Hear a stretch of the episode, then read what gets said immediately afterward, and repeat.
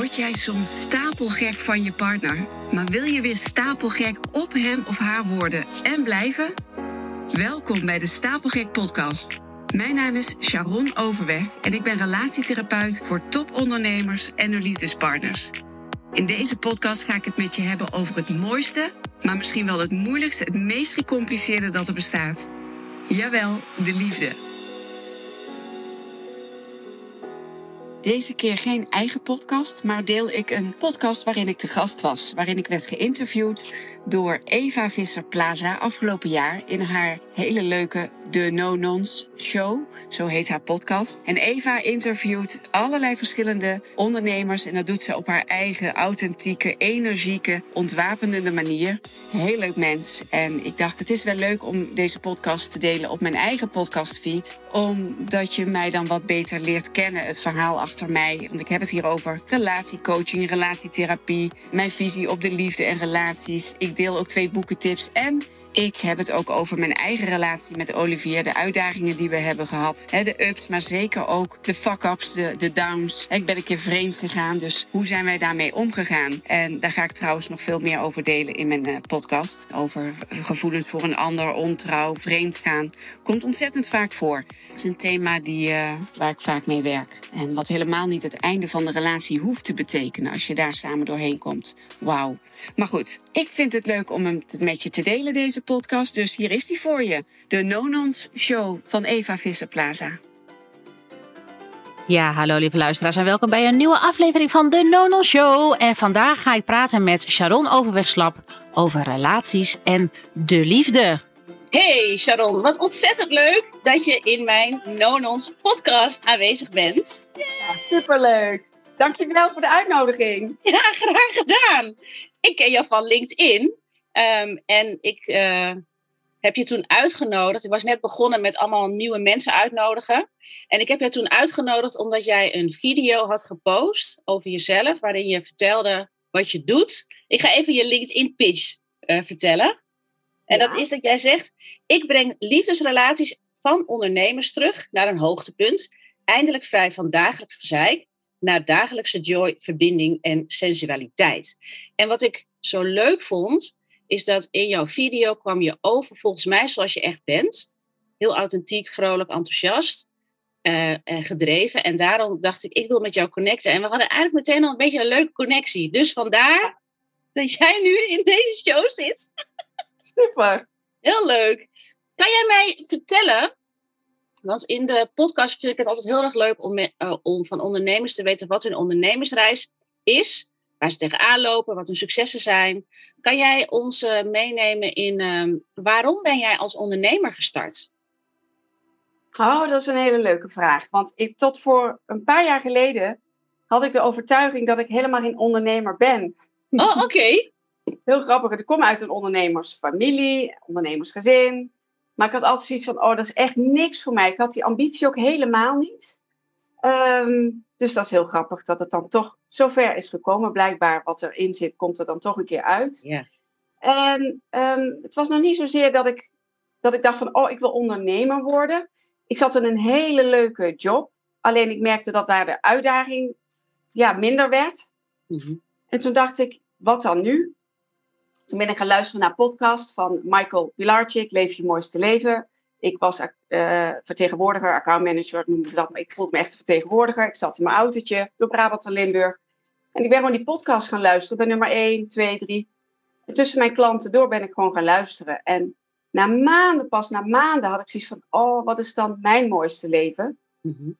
um, en op een moment had ik zoiets van, oh, er kwamen allemaal puzzelstukken op me af. Ik kon er nog geen puzzel van maken, maar ik wist wel van, ik heb iets anders te doen. Mm -hmm. uh, in die tijd klapten er ook wat relaties om ons heen. Uh, veel mensen die uit elkaar gingen, wat overigens prima is. Hè? We zien ook dat mensen weer gelukkiger zijn met een tweede of zelfs derde relatie. Uh, hè? Mm -hmm. ik ben absoluut niet tegen scheiden, wil ik maar meteen gezegd hebben. Ja. Maar ik had, ik had wel zoiets van, goh, is het altijd wel nodig? Hè? Wij hebben ook dingen meegemaakt, mijn man en ik, Olivier en ik. Ja, we hadden misschien ook wel uit elkaar kunnen gaan. Um, heeft, haalt iedereen wel het onderste uit de kan? Wordt er niet misschien te snel besloten? Nou, en vanuit daar kwam het idee van eh, een lezing over onze eigen relatie. Dus het was eigenlijk een idee van mijn man, Olivier. Die zei van, goh, we zouden veel meer met elkaar moeten praten over onze relaties. En wat voor jou werkt, werkt misschien ook wel voor ons en andersom. Mhm, We leren dit op school niet. mhm. Waarom gaan we niet een soort van lezing, een theaterlezing maken? Ik zeg, nou ja, wat gaaf, weet je wel. Gewoon Mhm. voor de rij, hè, naast ons werk. Ja, Om het voortouw te nemen. En helemaal niet als rolmodel. Nee, integendeel, heel openhartig en kwetsbaar. ja, Vertelden we dat het gras bij ons heel groen is, maar dat dat komt omdat er meer shit op ligt. Ja. Nou goed, die lezing hebben we laten regisseren. Dat is echt een mooi stuk geworden. En ehm, omdat we zo openhartig en kwetsbaar waren, en ook met humor en zelfspot, en Ja. raakten we blijkbaar een gevoelige snaar. Het maakte heel veel los onder het publiek. Dus na oh, afloop kwamen mensen naar ons toe van, goh, ja, om hun verhaal te delen. Dus dat was eigenlijk wat we wilden. aha, Meer delen met elkaar, elkaar Ja. inspireren, van elkaar leren. Want we, we, we prutsen allemaal maar wat aan. Ja. Wij ook, hè? Dus, Ja. En toen kregen we ook de vraag van, goh, kunnen we bij jullie terecht voor relatietherapie, coaching? En toen moesten wij lachen. Het is gewoon ons verhaal, weet je wel. En, eh, maar toen dacht ik wel van, nou, ik zit in die baan die wel heel leuk is, maar waar ik wel de uitdaging aan het missen ben. ja, Dit is gewoon een kans, weet je wel. Er is gewoon behoefte aan. En toen Ja. ben ik opleidingen gaan volgen en ontslag genomen. En nou ja, zo is het eigenlijk gaan rollen, het balletje. En toen ben je relatiecoach geworden.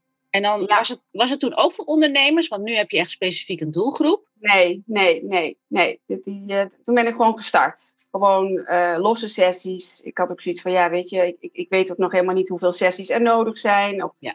waar iemand behoefte aan heeft. En vroeg ook na elke sessie, goh, willen jullie nog een nieuwe afspraak maken? En op een gegeven moment zeiden mensen van, Sharon, iedere keer die vraag, kunnen we even alvast doorplannen? Want we Ja. zijn er nog niet. Ja. Hey, toen dacht ik, er is dus duidelijk behoefte aan een traject. Ja. Toen had ik drie trajecten van 15 of 15 sessies. Mhm. Nou, vijf sessies doet niemand. Hè, dat is een soort van APK'tje, maar Ja. Ja, als er nog niet genoeg shit is, gaat bijna niemand dat echt doen. Hè? Vijf en toen dacht ik, weet je, ik wil gewoon eigenlijk een. Ik vond het ook ingewikkeld, want dan heb je een intake, een kennismaking. En dan ga ik dus, moet ik gaan adviseren hoeveel sessies. Nou, jullie hebben echt wel. Ik zou niet voor tien gaan, maar voor vijftien. Weet je, ik vond dat ingewikkeld. Ja. Ik wil gewoon een simpel bedrijf. Ik wil één aanbod hebben. Mhm. En dat heb ik nu. Dus ik heb één aanbod in mijn mandje zitten. En ehm, ik had ook inderdaad nog geen doelgroep gekozen. En ik merkte, als je niet kiest, word je ook niet gekozen. Dan, Oh, wat ik mooi. wel- Als je Ja. niet kiest, word je niet gekozen. nee, nee, dan is het een beetje... eh, dan gooide ik mijn hengeltje in de lucht. En dan was het zo van, ik zie wel wie er hapt. Ja. En er, er werd wel gehapt. Maar ja, ehm, ik denk, ik ga dat doen. Dus ehm, En hoe gaat het? Hoe gaat het goed. nu? Ja? Heel goed. Ja, ja. Dus ik richt me nu inderdaad op ondernemers. Ook omdat dat al automatisch de mensen waren die op me afkwamen. Dus blijkbaar Ja. trok ik dat al aan. De Ja. mensen die bij je passen, die we- weten je te vinden. Ja, ja. Dus ik dacht van ja, doelgroep kiezen. Ik ga dat, eh, ik ga, wie komen er nu al bij mij? En het waren bijna allemaal ondernemers. Mhm. Dus toen ben ik gaan kiezen voor ondernemers. En ze hebben meestal nog hele jonge kinderen en zitten thuis in een relatiecrisis of ja, wel fikse relatieproblemen. Ja. En de urgentie is hoog. Als ze niks doen, dan gaat de relatie, dan klapt het op een Ja. gegeven moment. En wat Dat is dan startpunt. En eh, eh, is dat ook, eh, is, is het ook iets. Kijk, wat ik altijd, eh, wat ik voor mezelf en bij andere mensen zie, is dat in ondernemerschap kunnen we dus heel vrij ons eigen aanbod doen, onze visie hebben. Wat is jouw visie op relaties? Wat is jouw visie op liefde? Op, nou ja, niet op liefde, maar lief- liefde in een relatie. Wat is jouw visie daarop? Mijn visie, oh, dat is wel een hele grote vraag. Hè? Wat is Mhm. mijn visie op relaties? Ehm, ik denk wel, ik denk dat mm, wij allemaal vandaag de dag hele hoge verwachtingen hebben van het leven in het algemeen. En ook van de relaties die we hebben, hè? ook Mhm. de liefdesrelatie. Ja. En ik denk dat dat ook komt door social media, door al die mooie plaatjes die we zien, die perfecte plaatjes, die verhalen. We maken elkaar allemaal gek. Mhm. Ehm, we hebben de, moed van alles. Hè? We willen en carrière maken, we willen en een groot sociaal leven. En ondertussen willen we ook dat gezin dat perfect draait. Een soort bedrijf is het geworden, hè? Dat, die, die relatie, dat gezin thuis. Mhm. Ehm, en het leven is niet elke dag leuk, denk Nee. ik dan. Hè? Nee. Is niet, ik ben ook niet elke dag de leukste versie van mezelf. Olivier ook niet. Het is gewoon niet elke dag leuk. En ik heb het idee dat mensen gewoon hele hoge verwachtingen hebben van relaties. Ehm, dat het, het moet leuk zijn, het moet perfect zijn. Je moet elke dag gelukkig zijn. Ja, dat kan gewoon niet. Nee. Ehm, ja, dat. Ja, dus we stellen te hoge, te hoge eisen. Dus als je hem dan om zou draaien. Als je hem dan om zou draaien, in plaats, eh, is het dan, eh, als we nou het leven gewoon nemen zoals het is. Want als we dan, want wat jij dan aanbiedt, ga, eh, eh, is dan ook dat mensen met elkaar gewoon gaan praten over. Als er bijvoorbeeld verwachtingen niet uitkomen. In plaats van dat je dat maar verwacht en dan. Ja, maar ik wil dat Ja, van je. Dat je dus gaat praten met elkaar. Dat je daar gaat openen. Toch? Ja, en wat ik heel erg merk is dat er heel veel energie wordt gestoken in de business en in het sociale, sociaal leven, sporten, familie. En, en hè, het, het is ook druk, hè. het is ook veel, al die ballen in de lucht Ja. houden. Ja. De partner, die komt vaak op de laatste plaats. Ja. Terwijl die partner, dat Ja. is nou degene met wie je later op dat bankje wil zitten als twee oude bessen. Helemaal gerimpeld. Ja. En dat je elkaar dan aankijkt en, en dat, dat woorden niet meer nodig zijn. Dat je denkt, nou, we hebben een mooi leven gehad met alle ups en de onvermijdelijke downs Ja. die daarbij horen. Maar die partner, die krijgt gemiddeld slechts zeven minuten. Het was acht, maar het is nu zeven minuten per dag van, Ja. Van je tijd. Dat is een onderzoek. Hè? Dus stellen geven elkaar gemiddeld zeven minuten per dag quality time aan elkaar. Dat betekent elkaar je onverdeelde aandacht geven. ja. Al je andere tijd, tijd is je kostbaarste bezit, hè? Ik Ja, bedoel, dat raakt ja. op. Je krijgt er op het eind niet meer tijd bij. Je kunt wel, geld kun je misschien meer bij verdienen, hè? maar tijd raakt op. Ja. Je leven heeft een deadline, zegt Ja. Michael Ja, ja, ja, hè? ja. Dus, hè, we zijn allemaal terminaal. Het klinkt allemaal heel erg zwaar, maar het is wel zo. Ja, Dus precies. het is gewoon een feit. Ja. En, en, en maar slechts zeven minuten gemiddeld, gemiddeld, krijgt je partner van jouw kostbare tijd. Maar dat is wel de partner met wie je op de eindstreep op het bankje wil zitten. Ja. Weet je, het is ook een soort van bewustwording van waar zijn we nou eigenlijk mee bezig? Waar Ja. gaat jouw tijd naartoe? En wie zet jij op nummer één of wat? Ja. Al jouw tijd besteed je dus aan andere mensen en andere dingen. Ja. Maar niet aan jouw levenspartner. Ja, precies. gezin. Zijn er mensen die. ehm, Ik herken dat wel hoor. Ik denk dat heel veel mensen die deze podcast nu luisteren denken: oh ja, hoeveel tijd besteed ik eigenlijk aan mijn partner? Oh ja, maar wij hebben dat ook. Ik bedoel, Ja. bedoel, bij de relatiecoach thuis is het ook niet elke dag. Nee, nee. Elke dag. Ik bedoel, wij kunnen ook zo langs elkaar heen leven of een drukke dag hebben. Maar we pakken het dan wel na een paar dagen. Weet je, en denken we, oh, we gaan morgen weer eventjes samen. Iets leuks doen. lekker om te wandelen of, eh, Ja. of even gewoon even een hapje eten. Of, of gewoon even op de bank even kletsen. Of, Ja. Weet je, we pakken het dan wel op. Ja. Maar als je dat niet doet, en dat hou je dan weken of maanden of zelfs jaren vol, ja, dan groei je uit elkaar. En hoe kun je dan nog verwachten dat je in verbinding bent? Dat je weet wat er bij de ander speelt? Dat, dat, hè, het blijft investeren, Eva. Het is Ja, zo. absoluut. En Absoluut. zeggen mensen, oh, dat moet toch vanzelf gaan? Ja, ik ben het Nee. eens. Niks gaat vanzelf. Dat is alleen ook niet in ons werk. Dat is ook niet Alleen in ons werk. Dat is, ook niet, dat is ook niet met de opvoeding. Met de kinderen. Met, met niks.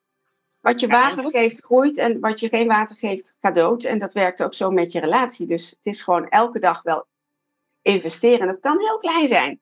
Ja. Het kan ook in een paar, inderdaad in een paar minuten zijn. En eh, eh, als stellen bij jou komen, wat, wat zie je dan voor een uitdagingen? Waar, waar komen ze dan mee? Ja, toch altijd wel communicatiedingen. Ja. Hè, dus Communicatie is Ja, uitdaging. communicatie. En natuurlijk ook seksualiteit wat weg is. Ja, maar dat had je. Want ik zie het op LinkedIn, dat vind ik altijd zo leuk dat je dan bepaalde post. En sommige die ze van. Wat, wat zei je over dat seks op het fornuis of seks achter het fornuis? Minder gezeik, thu- minder gezeik thuis en meer seks achter het fornuis. Dat is toch wat we allemaal, maar dat is wat we allemaal willen. Ik vond hem alleen te plat om een, onder mijn one- mijn one-liner van te maken op LinkedIn. Ik denk, dat is een beetje te plat. Maar het is uiteindelijk, uiteindelijk is dit wat, wat iedereen wil. Minder gezeik thuis en weer, weer seks of meer, weer seks achter het fornuis. Ja, Gewoon weer Verbinding, Ja, intimiteit. dagelijkse joy, eh, het leuk hebben met elkaar, plezier hebben met elkaar en met de kinderen, een leuke partner zijn, een leuke vader of moeder zijn. Eh, en dat het niet elke dag leuk is, ja, dat is gewoon zo. Ja. Maar in die end willen we allemaal minder gezeik thuis en weer seks achter het fornuis.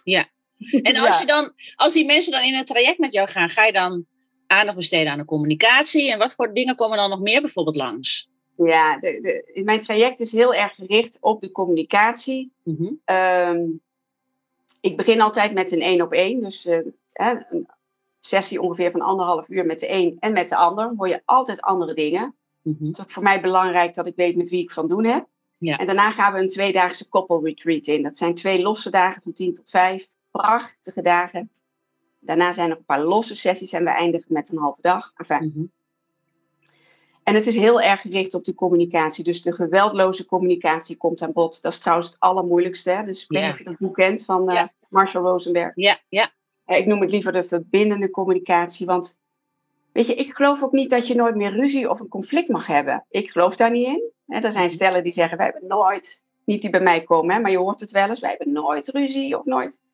En dat kan wel, maar ik denk dan dat één inlevert, of beide. Mhm. En dat dat uiteindelijk gaat het toch ergens schuren, denk ik dan, vroeg Ja. of laat. Ja. Ehm, maar je mag gewoon wel een eigen mening hebben. Je mag je eigen visie hebben. Je hoeft het niet altijd met elkaar eens te zijn.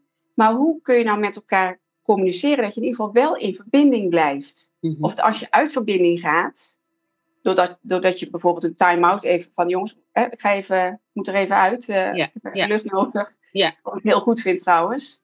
Niet te lang, maar het is oké om even afstand te nemen. Hoe kom je dan weer gauw in verbinding? Ja. Nou, dat kun je gewoon leren. Dat is het moeilijkste denk ik van mijn hele traject. Ja. Maar ik heb het ook over de vijf talen van de liefde, wat heel erg gaat over behoeften. Mhm. Kan je daar wat Ja. meer over vertellen? Kan je daar wat meer over vertellen? De vijf talen van liefde. Dus geweldloze Ja. communicatie. Als de mensen dit luisteren, dan kunnen ze het. eh, ze kunnen al zelf eh, dingen doen. Hè. Ze kunnen bijvoorbeeld dat boek lezen. Ja. Bijvoorbeeld. zeker, zeker. Eh, Marshall Rosenberg. En dan is het geweldloze communicatie. Anders zet ik het wel even in de show notes. En Ja. de vijf talen van liefde. Wat, wat is dat? Ja, de vijf talen hebben we hier al liggen. De vijf talen vijf van talen de van liefde liefde is een, een nou ja, zie je, het is een heel klein boek. Je hebt het Mhm. zo uit. Mhm, Het is een boek van Gary Chapman, een Amerikaan. mhm, En hij stelt, nou ja, er zijn in de wereld meer dan 6000 spreektalen. mhm, Maar er zijn slechts vijf liefdestalen. En die zijn universeel. Die, die spreek, hè, dus iedereen over de hele wereld verstaat die talen. Of je nou jong bent, of je nou oud bent. En dat vind ik er zo mooi aan. Het is eigenlijk heel simpel. En het ontbreken van die vijf talen heeft al heel veel relaties doen klappen. En Oh. de kennis ervan heeft al heel veel relaties ja, gered. Echt Mhm. gered, gewoon. Ehm, ik zal ze even do- Ja, ja, ja, ja. ja Ik ze alle vijf prettig. Mhm, In meer of mindere mate. mhm. Met sommige talen zou je misschien niet zoveel hebben. Maar je vindt ze alle vijf wel leuk. Alleen één taal of twee talen, dat is jouw moedertaal. Dat is jouw primaire liefdestaal. Als iemand nou. anders dat bij jou doet, dan, dan, dan voel jij je gehoord, gezien, geliefd, gewaardeerd. Ehm, Gary Chapman stelt, we dragen allemaal een soort van liefdestank met ons mee, op onze rug, zeg maar. Hè? Zo Aha. Nou, die kan helemaal leeg, nee, die kan helemaal eh, leeg staan Aha. leeg zijn, nou, dan voel je je dus niet gewaardeerd. Dan voel je je eenzaam, verdrietig, eh, hè, niet gewaardeerd, niet gehoord, niet gezien. Mhm. Nou, ik ga, het, ik ga ze even opnoemen. Ja, de eerste taal is quality time, samen zijn. Mhm. Dan heb ik het over echt elkaar je onverdeelde aandacht geven. Dus niet dat de een zit te Netflix en de ander zit op de telefoon. Dat is niet wat hiermee wordt bedoeld, maar echt ja, samen in contact zijn. Mhm. Hè, dat kan eh, zijn een wandelingetje maken, een gesprek voeren, een kopje koffie drinken, een vakantie. Hè, dat maakt niet uit.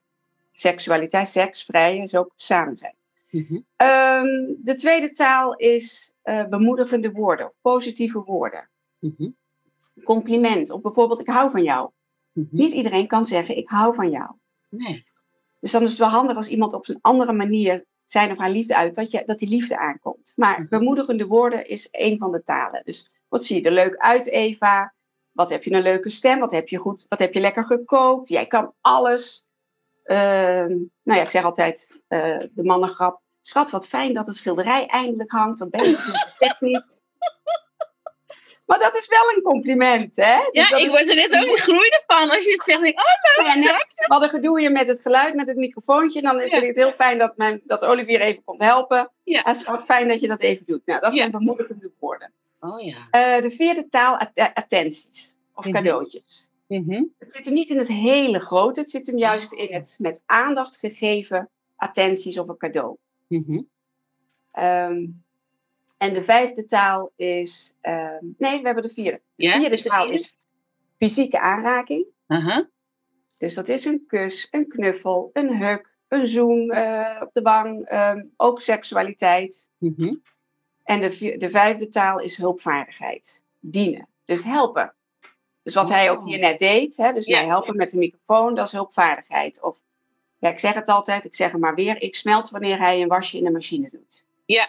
Wanneer Ja. Olivier mij helpt in het huishouden hier, dan, dan is voor mij gelijk aan dat hij zegt, ik hou van jou. Ja. Ik voel dat echt als een uiting van liefde. Ja. Dat is, dat is trouwens mijn eerste taal, hulpvaardigheid. Oh, ja, ik ga het even laten bezinken. Ik denk inderdaad dat hulpvaardigheid, als ik Jimmy bijvoorbeeld zie huishouden doen, dan voel ik me gezien. Inderdaad. Dat, Dat- is ook ja. debiel. Omdat hij dan, dan, dan Ja. heb ik zoiets van, jij doet mee aan de dingen die ik belangrijk vind. Ons huis, ons nest. Ja, we zijn een team. Het gaat helemaal Ja. niet over dat hij dat huishouden moet doen, maar dat is een, geeft een bepaald gevoel inderdaad. Oh, daar was ik me helemaal niet zo van is heel bewust. leuk om het daar met hem over te hebben. Ja. Van, wat is nou mijn eerste taal, of eerste en tweede? Kijk, je vindt ze alle vijf prettig, want sommige mensen zeggen, ik heb niks met cadeautjes. Nou, en dan zeg ik, zelfs Maxima, ik weet zeker als Alexander of haar dochters met aandacht, een met aandacht gegeven cadeau aan haar geven, terwijl ze alles al heeft, ik weet zeker dat ook Maxima blij is met een cadeautje. De koningin is ook blij met een cadeautje. Maar het kan zijn dat het niet jouw eerste taal is. Maar het is heel leuk om te weten van wat is nou mijn eerste, mijn tweede, derde, vierde, vijfde taal. Ja. En dat vertellen aan je partner. Of aan je moeder. Of aan een vriendin. Want het werkt dus ook of aan je kind. Het werkt met iedereen. Ja, het is Dat dus is vijf talen van liefde in liefde. Dus Ja, niet alleen maar in romantische liefde. het is heel interessant om te denken, goh, onze relatie hè, met, met mijn ex, hebben wij elkaars talen wel geweten? Hebben wij daar wel, Oh. zijn we ons daar wel bewust van geweest dat het voor hem of haar zo belangrijk was? Wist ik dat eigenlijk wel? Dus als jij, stel hè, die, die stellen, die staan er echt op het punt van, nou, je gaat gewoon scheiden. Het is gewoon klaar, weet je? Ik denk dat ze daar op dat punt belanden, be- dat punt zijn. Nou, dus het, het, het gaat door hun hoofd. Uit elkaar gaan scheiden, is, daar denken ze over na. Maar het Ja. verlangen om bij elkaar te blijven is wel groter. Ah, het verlangen is wel groter. Dus Ze is, willen wel bij elkaar blijven, ze weten echt gewoon niet meer hoe. Hoe ze uit de negativiteit komen, uit die spiraal, hoe ze uit de sleur komen. Dus wat maakt dat, wat maakt, ik heb, eh, ik ken twee mensen die zijn uit elkaar gegaan en die gingen naar een relatietherapeut. Het was, eigenlijk was het twee over twaalf. Heb je dat ook, dat je meemaakt, oké, het is eigenlijk al twee over twaalf bij dit stel? Hè, wat is het Eh, verschil tussen twee voor twaalf en twee over twaalf? twee over twaalf denk ik dat je echt al, dan is, weet ik niet of er nog een U-turn mogelijk is. Dus bij, tijdens mijn intake vraag ik ook, ik heb echt drie vragen waar ik een ja op wil horen. Ah, als ik er geen ja op hoor, dan, dan begin ik er in ieder geval niet aan. Dan, dan, en dat Dan is weet een beetje omdat het mijn werk zelf niet leuker maakt. Nee, nee ik vind het heel belangrijk dat, dat er motivatie is. ja. Ook al is het vuurtje nog maar heel klein, Eva. Weet je, als er Ja. helemaal geen vuur meer is, dan kan ik het ook niet meer, of kunnen zij het ook niet meer oppoken. Als het helemaal uit is, of als Ja. er helemaal geen gevoel meer is, wat kan hè, Ja, dan kan ik er niks mee. En dan kan ik coachen wat ik wil, dan kan ik met al mijn Ja, tools, dat maar het heeft geen zin. En, Dus je- eh, kom je dan daardoor, sorry, kom je dan daardoor, dan kom je dus minder in aanraking met de stellen die inderdaad al twee over twaalf het toch nog proberen en zeggen, ja, ik ben een relatiecoach geweest, maar het heeft helemaal niet geholpen. Nee, die eigenlijk, de, mensen die bij mij komen, die eh, denken vaak, hè, die hebben dus wel al nagedacht over een leven zonder elkaar. Het gaat door hun hoofd. Van als we nu, er is altijd zoiets van, als we nu niks doen, dan gaat het gewoon mis. Ja. Maar we willen wel bij elkaar blijven. Ja, we willen ja, ja, het bij elkaar houden. Is een verlangen. En dat vind ik belangrijk. Ook al is het maar heel klein. Ja. Er moet wel een verlangen zijn. Ja, want dan, kan je, dan heb je basis om weer op te bouwen. Want dan krijg je de- kan je deze tools en dan die inzichten. Dan kunnen Wauw. we stappen maken. En, en, en, en mijn tweede vraag is, zijn jullie bereid om de bril van de ander op te zetten? Dat betekent niet dat je het eens hoeft te zijn met elkaar, maar ben je wel bereid om door die bril van de ander te kijken, waardoor je elkaar meer gaat begrijpen? Wat is de eerste, beter- wat is De eerste vraag vraag? is, willen jullie überhaupt dat het goed komt? Willen jullie dat het goed komt? Ja, Oké, is vraag er om- 1. Dat is vraag Willen jullie dat het goed komt? Zijn jullie gemotiveerd om er echt voor te gaan? Ja. Dat is vraag 1. En vraag vraag twee. 2? Zijn jullie bereid om elkaars bril op te zetten? Niet alleen En- maar met de vinger wijzen van het ligt Nee. aan jou. En vraag drie. Ben je bereid om naar je eigen stuk te kijken? Wat is mijn aandeel in dit hele verhaal? Wat kan ik voortaan anders doen? Oh, ik hoop toch zo, Sharon, dat als mensen dit horen, dat ze dan deze, hè, dan hebben, ze, hebben ze al deze vragen. En dan Ja. kunnen ze het misschien op deze manier voorleggen aan hun partner, als ze al alle twee voelen. En dan Ja. gaan. Want in relatie, tenminste van mij, ik ben al 21 jaar met Jimmy, we hebben onze ups en downs, maar we hebben een baas, we kunnen altijd alles tegen elkaar zeggen. Het is, ik vind het altijd zo jammer als het uitgaat, of als mensen gaan scheiden. En natuurlijk kan het, hè, dat je de, dat het, dat ja, het soms past. is het echt beter. Soms is het echt beter. Ja, zeker. Want dan, ik heb ook een, een, een Ja. ex-partner gehad. En toen was ik heel jong. Daar, we waren super verliefd op elkaar, maar we konden echt geen partner zijn. Prima. Maar ja, als je kinderen hebt. En ja, ik denk altijd: heb je er alles aan gedaan om elkaar te begrijpen? En om, je, en, om inderdaad voorbij je eigen traumatriggers ehm te kijken. Want er komt natuurlijk ook heel veel nou ja, trauma of onverwerkte ervaringen. hoe ben je, gehecht? Ja. hoe ben je gehecht? Ja, precies. Komen die aspecten ook bij jou in het traject naar Ja, voren als in bewustwording? Zeker. Het is niet alleen maar van, goh, goh, gooi er wat tools tegenaan. Nee, nee, nee, nee. Nee, je moet ook echt kijken van, waar kom je vandaan? Waar, waar stond je wieg? Hoe ging dat vroeger thuis? Wat gebeurt er met jou? Wat, hoe, maak je, hoe maken jullie dan ruzie? En welke, welke patronen zijn daar dan te ontdekken? Want Ja, als je weet hoe, wel, welke, welke dynamiek eh, je zit, dan kun je hem ook doorbreken. Maar je moet ook kijken van, wat doet het dan met jou? Ja. Wat raakt iemand in jou als Ja. jullie in een conflict belanden? ja, precies. Hoe onveilig voel je je dan? En waar komt dat dan door? Dus het Ja. is niet alleen maar, we gooien er wat tools tegenaan en that's it. Ehm, wat ik wel zie, wat, ik, wat mij... Oh, je vroeg, het is wel mooi om terug te komen op wat is mijn visie op relaties. Ja, Dat vroeg je aan het begin. ja. Ik zie het zo, de relatie, zoals ik het zie, is 50% gevoel, de liefde. Nou, die kan ver weg lijken, verstopt onder een dikke laag stof. Hè? mhm. En die andere 50%, dat is bewustwording. Dat zijn relatievaardigheden, communicatieve vaardigheden, maar ook eh, die hechtingsstijlen. Ja. Hè, dus als je daarin gaat ontwikkelen, wat we helaas op school niet leren, Nee. zelfs als je de opleiding communicatie hebt gedaan, leer je dit niet.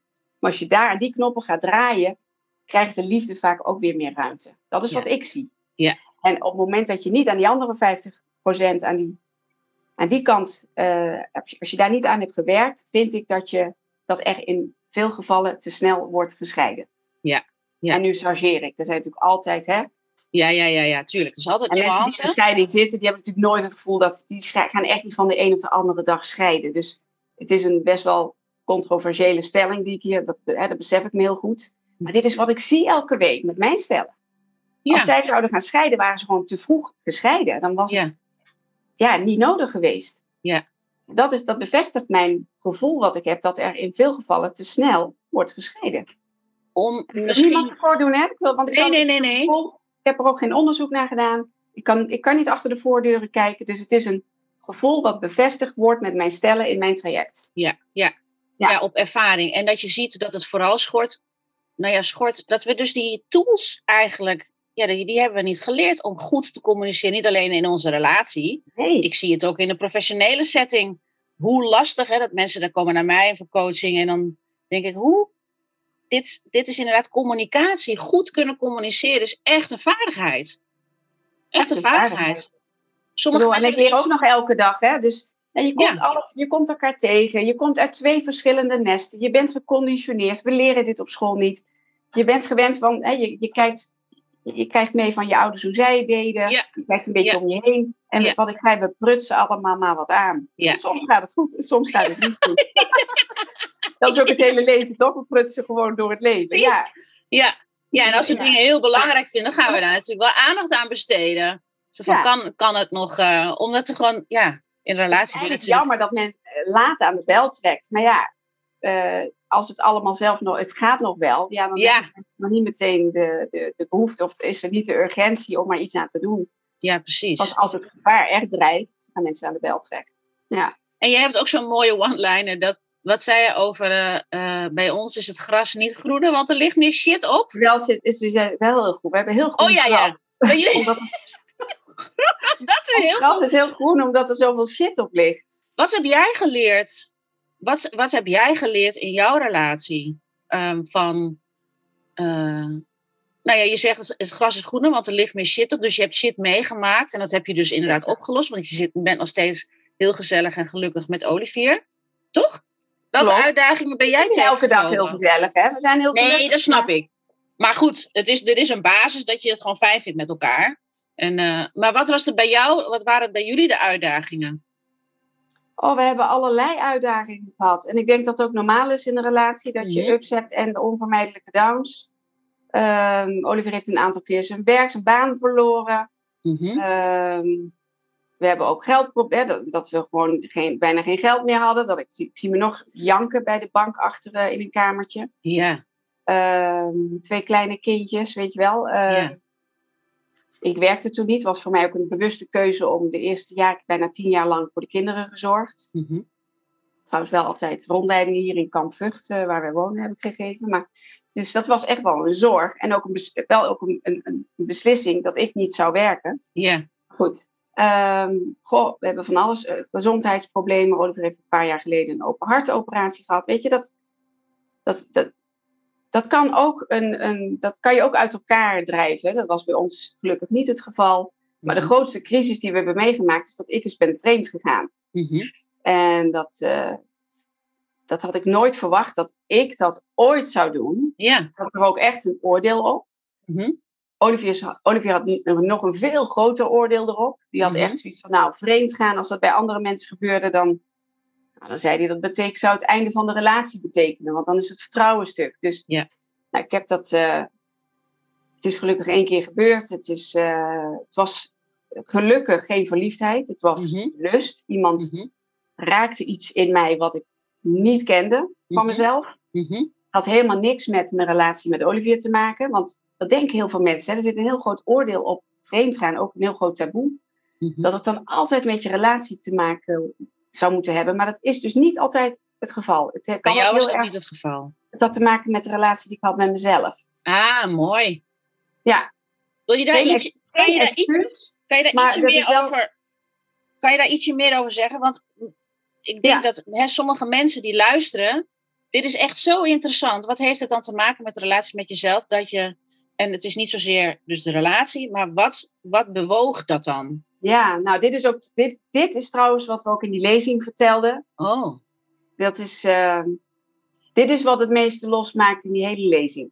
Ja, Mhm. ook andere dingen. Maar dit is natuurlijk omdat het zo in de taboesfeer, en wij zijn hier Ja. zo open, open over, omdat Ja. het ook zo ontzettend veel voorkomt. Hè? Ja, Ehm, nou, ik was in die tijd, het is meer dan tien jaar geleden, ehm, zijn wij meer gaan sporten, gezonder gaan eten. Ik viel toen meer dan 10 kilo af. De kinderen werden wat groter. Ik denk, oh, ik moet nieuwe kleren hebben. Ik ging me wat sexier kleden, weer eens een hak aan. Mhm. Eh, ik had nooit vroeger echt interesse voor mode, maar ik denk, oh, leuk, weet je. Dus je komt in een andere fase.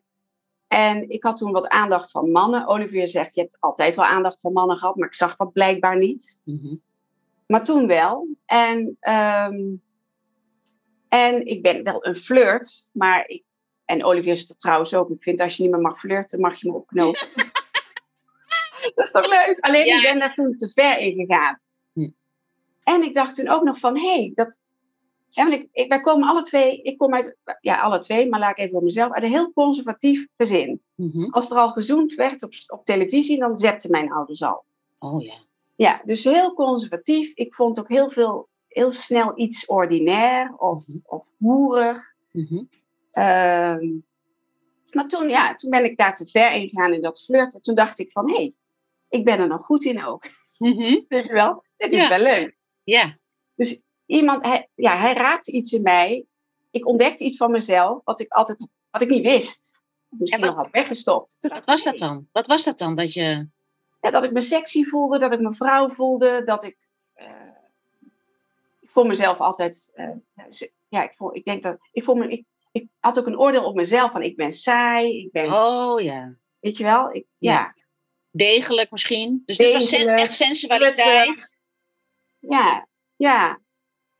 Ja, tutty, weet je wel. Ik denk, oh, dat valt eigenlijk wel mee. Ik, ik kan Ja. het wel, weet je wel. Ik, nou ja, Ja. zo. Dus het was ook meer lust. Het was geen verliefdheid, het was lust. Al moet ik zeggen, ik- dan zit je daar zo'n paar weken in met te appen en appjes te wissen. Het, is een hele, het is heel dubbel dat vreemdgaan. Want aan de ene kant voel je enorm dat je leeft. Want je bent Mhm. met iemand aan het appen, je bent het aan het wissen. Je weet, wist heel goed dat het niet aan de ha- ha- haak was wat ik deed. Ja.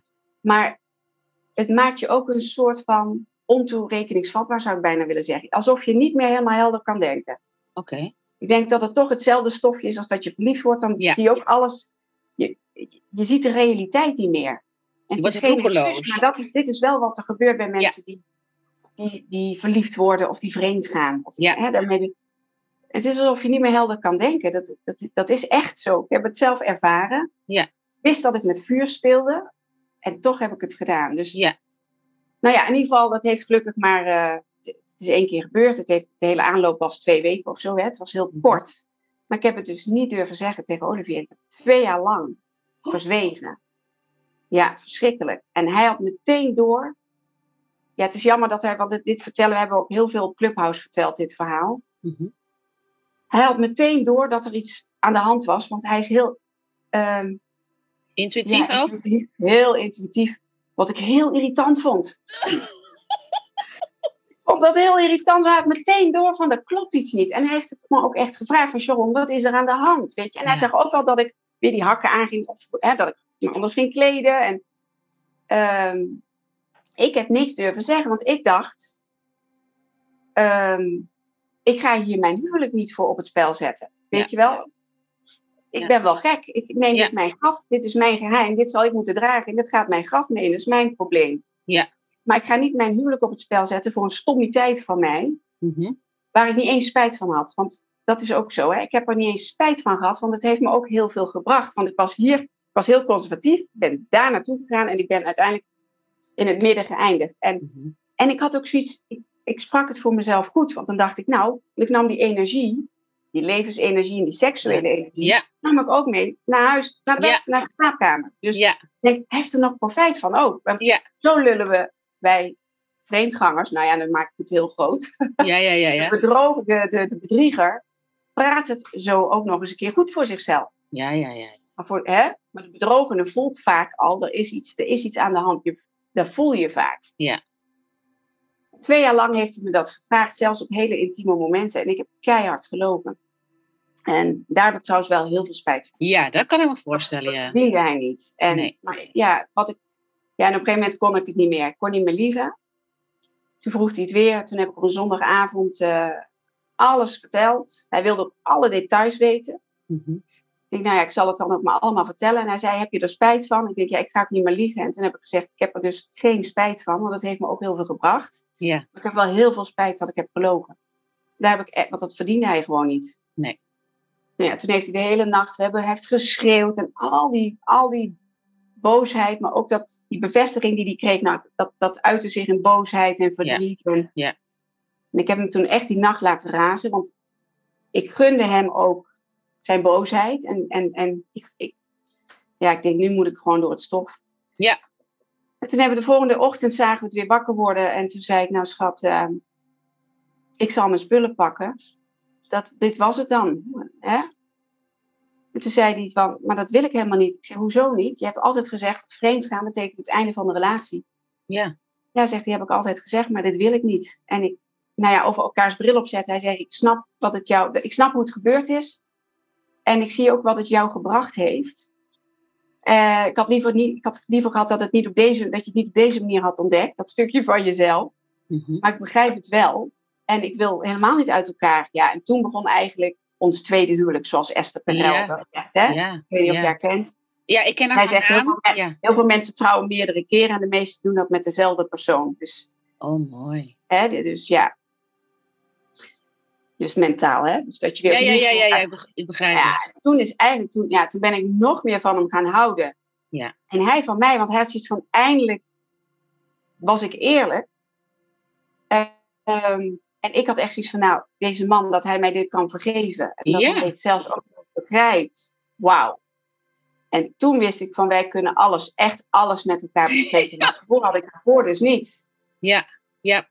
En ik heb toen wel meteen die ochtend gezegd van nou, ik, ik was helemaal, we waren allebei heel emotioneel en heel moe. Ik zei van, luister maar, ik ga niet op een boetebankje zitten. Ik ga niet mijn leven lang op een boetebankje zitten. Nee. Dan geef ik jou een stok om mee te slaan. Dat, dat, want ik ben gewoon eerlijk. Ik, het is, ik, ik had liever ook niet gehad dat het was gebeurd, maar ik heb er ook geen spijt van. Dit soort dingen, ja, het is. Het gebeurt, is ja. Het gebeurt inderdaad. En het mooie hoe je het vertelt is dat het. Dit is heel, ook weer heel menselijk. Het is niet, ik hou niet van een ander. Nee, En je ont- nee, je ontmoet- nee. Het kan ook, hè? Het kan ook dat je vreemd gaat omdat, omdat, omdat je in je eigen relatie ontzettend veel mist. Ja. Maar dat is ook heel interessant om het daar Ja. dan over te hebben. Van wat, wat maakte dat ik het bij een ander zocht? Ja. Wat raakt die ander in mij? Ja. Ja, dus ja, voor ons heeft, wat heeft onze relatie, vreemd genoeg, maar enorm verdiept. En nog veel gelaagder gemaakt. Want daarna, ja, het was ongelooflijk. Ja, maar dat ik kan je ook voelen in het verhaal. gezeten. Ja, en nog ook- een week lang is hij wel boos geweest. En eh, hij heeft zelfs die man nog opgebeld, want hij kende hem. Het was geen vriend of zo, maar het was een vriend weer van vrienden van ons. Nou ja, fijn. Hij heeft hem door de telefoon getrokken. En een, jaar of twee jaar later kwam hij hem tegen. Heeft hem gewoon een hand gegeven. En toch een hand Ja. gegeven. Dus in, in als er alles mag zijn, hè? Als er alles mag zijn en dat we dus inderdaad met de bril van een ander op kunnen kijken. Zonder dat Ja, we dan, denken, oh, maar moet je kijken, ik word dit aangedaan. Want dan ga je weer ook in slachtofferschap. maar hij het wel even. Hij mocht ook zijn. Ja, ja, zeker. Maar het niet de altijd. Het is voor de bedrogenen intens pijnlijk. Echt. En va- vaak is het zelfs traumatisch. Dus het Mhm. is ook echt, dat mag je ook niet. Beide hebben gevoelens. De bedrieger en de bedrogene. Niet, Ja. niet alleen de bedrogene, maar ook de bedrieger. Zeker, Ook de. Zeker, maar je moet er niet in vast blijven. Dus het, is een, het zijn allemaal Nee. fases. Hè? Dat je van, inderdaad, als je het hoort als olie, dat is, dat is Ja. heel menselijk. En dan dat je dan ook, als dat allemaal, allemaal heeft mogen zijn, dat je dan ook weer precies. En in nu weer schouders komen. eronder, we trekken er een streep onder en weer door. Precies. Maar dat moet je wel kunnen. Het vergt, Ja. ook, het vergt ook een bepaalde emotionele volwassenheid. Dat Oh, is waarom ik die drie vragen stel. Ik, hè, het, het ver- hè, die bril van elkaar opzetten, niet alleen maar met de vinger naar een ander wijzen. Het vergt ook, ja, eh, Ja, dat wat je zegt, emotionele volwassenheid. Ja. Ja. Mooi. We gaan er dat een einde ik aan eigenlijk nog veel belangrijker dat stellen bij mij hebben dan dat ze een ondernemer zijn. Ik vind die emotionele volwassenheid, de bereidheid om die bril van die ander op te zetten, maar ook naar je eigen aandeel te kijken. Ehm, en de bereidheid om te zeggen, en nu de schouders eronder en weer door. Dat vind ik het allerbelangrijkste. Als je, als, we moeten het afronden. Wat zou jij Ja. als eh, boodschap meegeven aan stellen? Ja. Ze zeggen wel eens dat communicatie het belangrijkste is in de relatie. Ik zeg, ik zeg, ik zeg zelfs, de communicatie is de relatie. trek het nog even een stap verder. Het is niet het allerbelangrijkste, het is de relatie. Dus ja, blijf toch met elkaar communiceren. Blijf je behoeftes uiten. Denk niet van, oh, maar hij kent me toch al zo lang, dat weet hij toch wel. Nee, niemand kan in- elkaars hoofd kijken. Niemand. Dat klopt. Hè? En val niet in de valkuil van de vanzelfsprekendheid. Want dat jouw vrouw de vaatwasser leeghaalt, dat is niet vanzelfsprekend. Dan mag je best, je hoeft niet te zeggen, nou dankjewel. Maar je kunt wel zeggen, oh schat, fijn dat je dat gedaan hebt. Want als Ja. zij er niet was geweest, had jij het moeten doen. Ja. Of andersom, hè? Ja, Ze precies. zien elkaar niet als vanzelfsprekendheid. Het is niet vanzelfsprekend dat je in één huis woont. Daar heb je Nee. ooit samen voor gekozen. Dat klopt. Mooi. Nou, waar kunnen mensen je vinden? Mensen kunnen je vinden op Eh, LinkedIn. Ik ben heel actief op LinkedIn, Sharon Overweg. Eh, Insta wat minder, Stapelgek Academy en mijn website stapelgek.com. Oké. Nou, Nou, Word je soms komt, stapelgek van je partner, dan wil je stapelgek op je partner worden. Dan dan kom je je bij jou. Ja. Het komt in de show notes. Dan zet ik ook even de twee boeken die je hebt gedeeld. En eh, dat je kunnen volgen op LinkedIn en op je website. Want als je dit hoort en je hebt het gevoel, "Hmm, ik weet het niet zo goed. Ik maak me zorgen. Neem contact op met Sharon. Het is echt, volgens mij ben jij echt een super goede relatiecoach. Als ik problemen heb, ga ik naar je toe. hey, Maar- dankjewel. maar hou- Zorg maar dat je niet bij me komt. Nee, nee, nee, Hou zeker niet. Hou het maar goed samen. Nou, dankjewel dat je er was. Echt helemaal geweldig. Jij wel. Het was weer een mooie aflevering. En ik wil Sharon nog van hartelijk, hartelijk bedanken voor haar eh, prachtige adviezen en wat ze heeft gedeeld. En eh, tot de volgende mensen. Dankjewel voor het luisteren weer. Doei doei! Ja, dit was het, mijn interview. En ik ben heel benieuwd wat je ervan vindt. En wellicht wil je wel iets met me delen. Heeft dit iets geraakt bij je? Zeker het vreemdgaan, dat, dat laat al, doet alle oren spitsen. Alleen het woord al. Dus mocht je er iets over kwijt willen bij me. Ook als je er een oordeel op hebt, hè, een negatief oordeel. Ik vind dat helemaal niet erg om van je te horen. Deel het met me via mijn DM op LinkedIn. Je vindt me daar onder mijn eigen naam Sharon Overwegslap. Dan wens ik je verder een mooie, liefdevolle dag. Bye bye.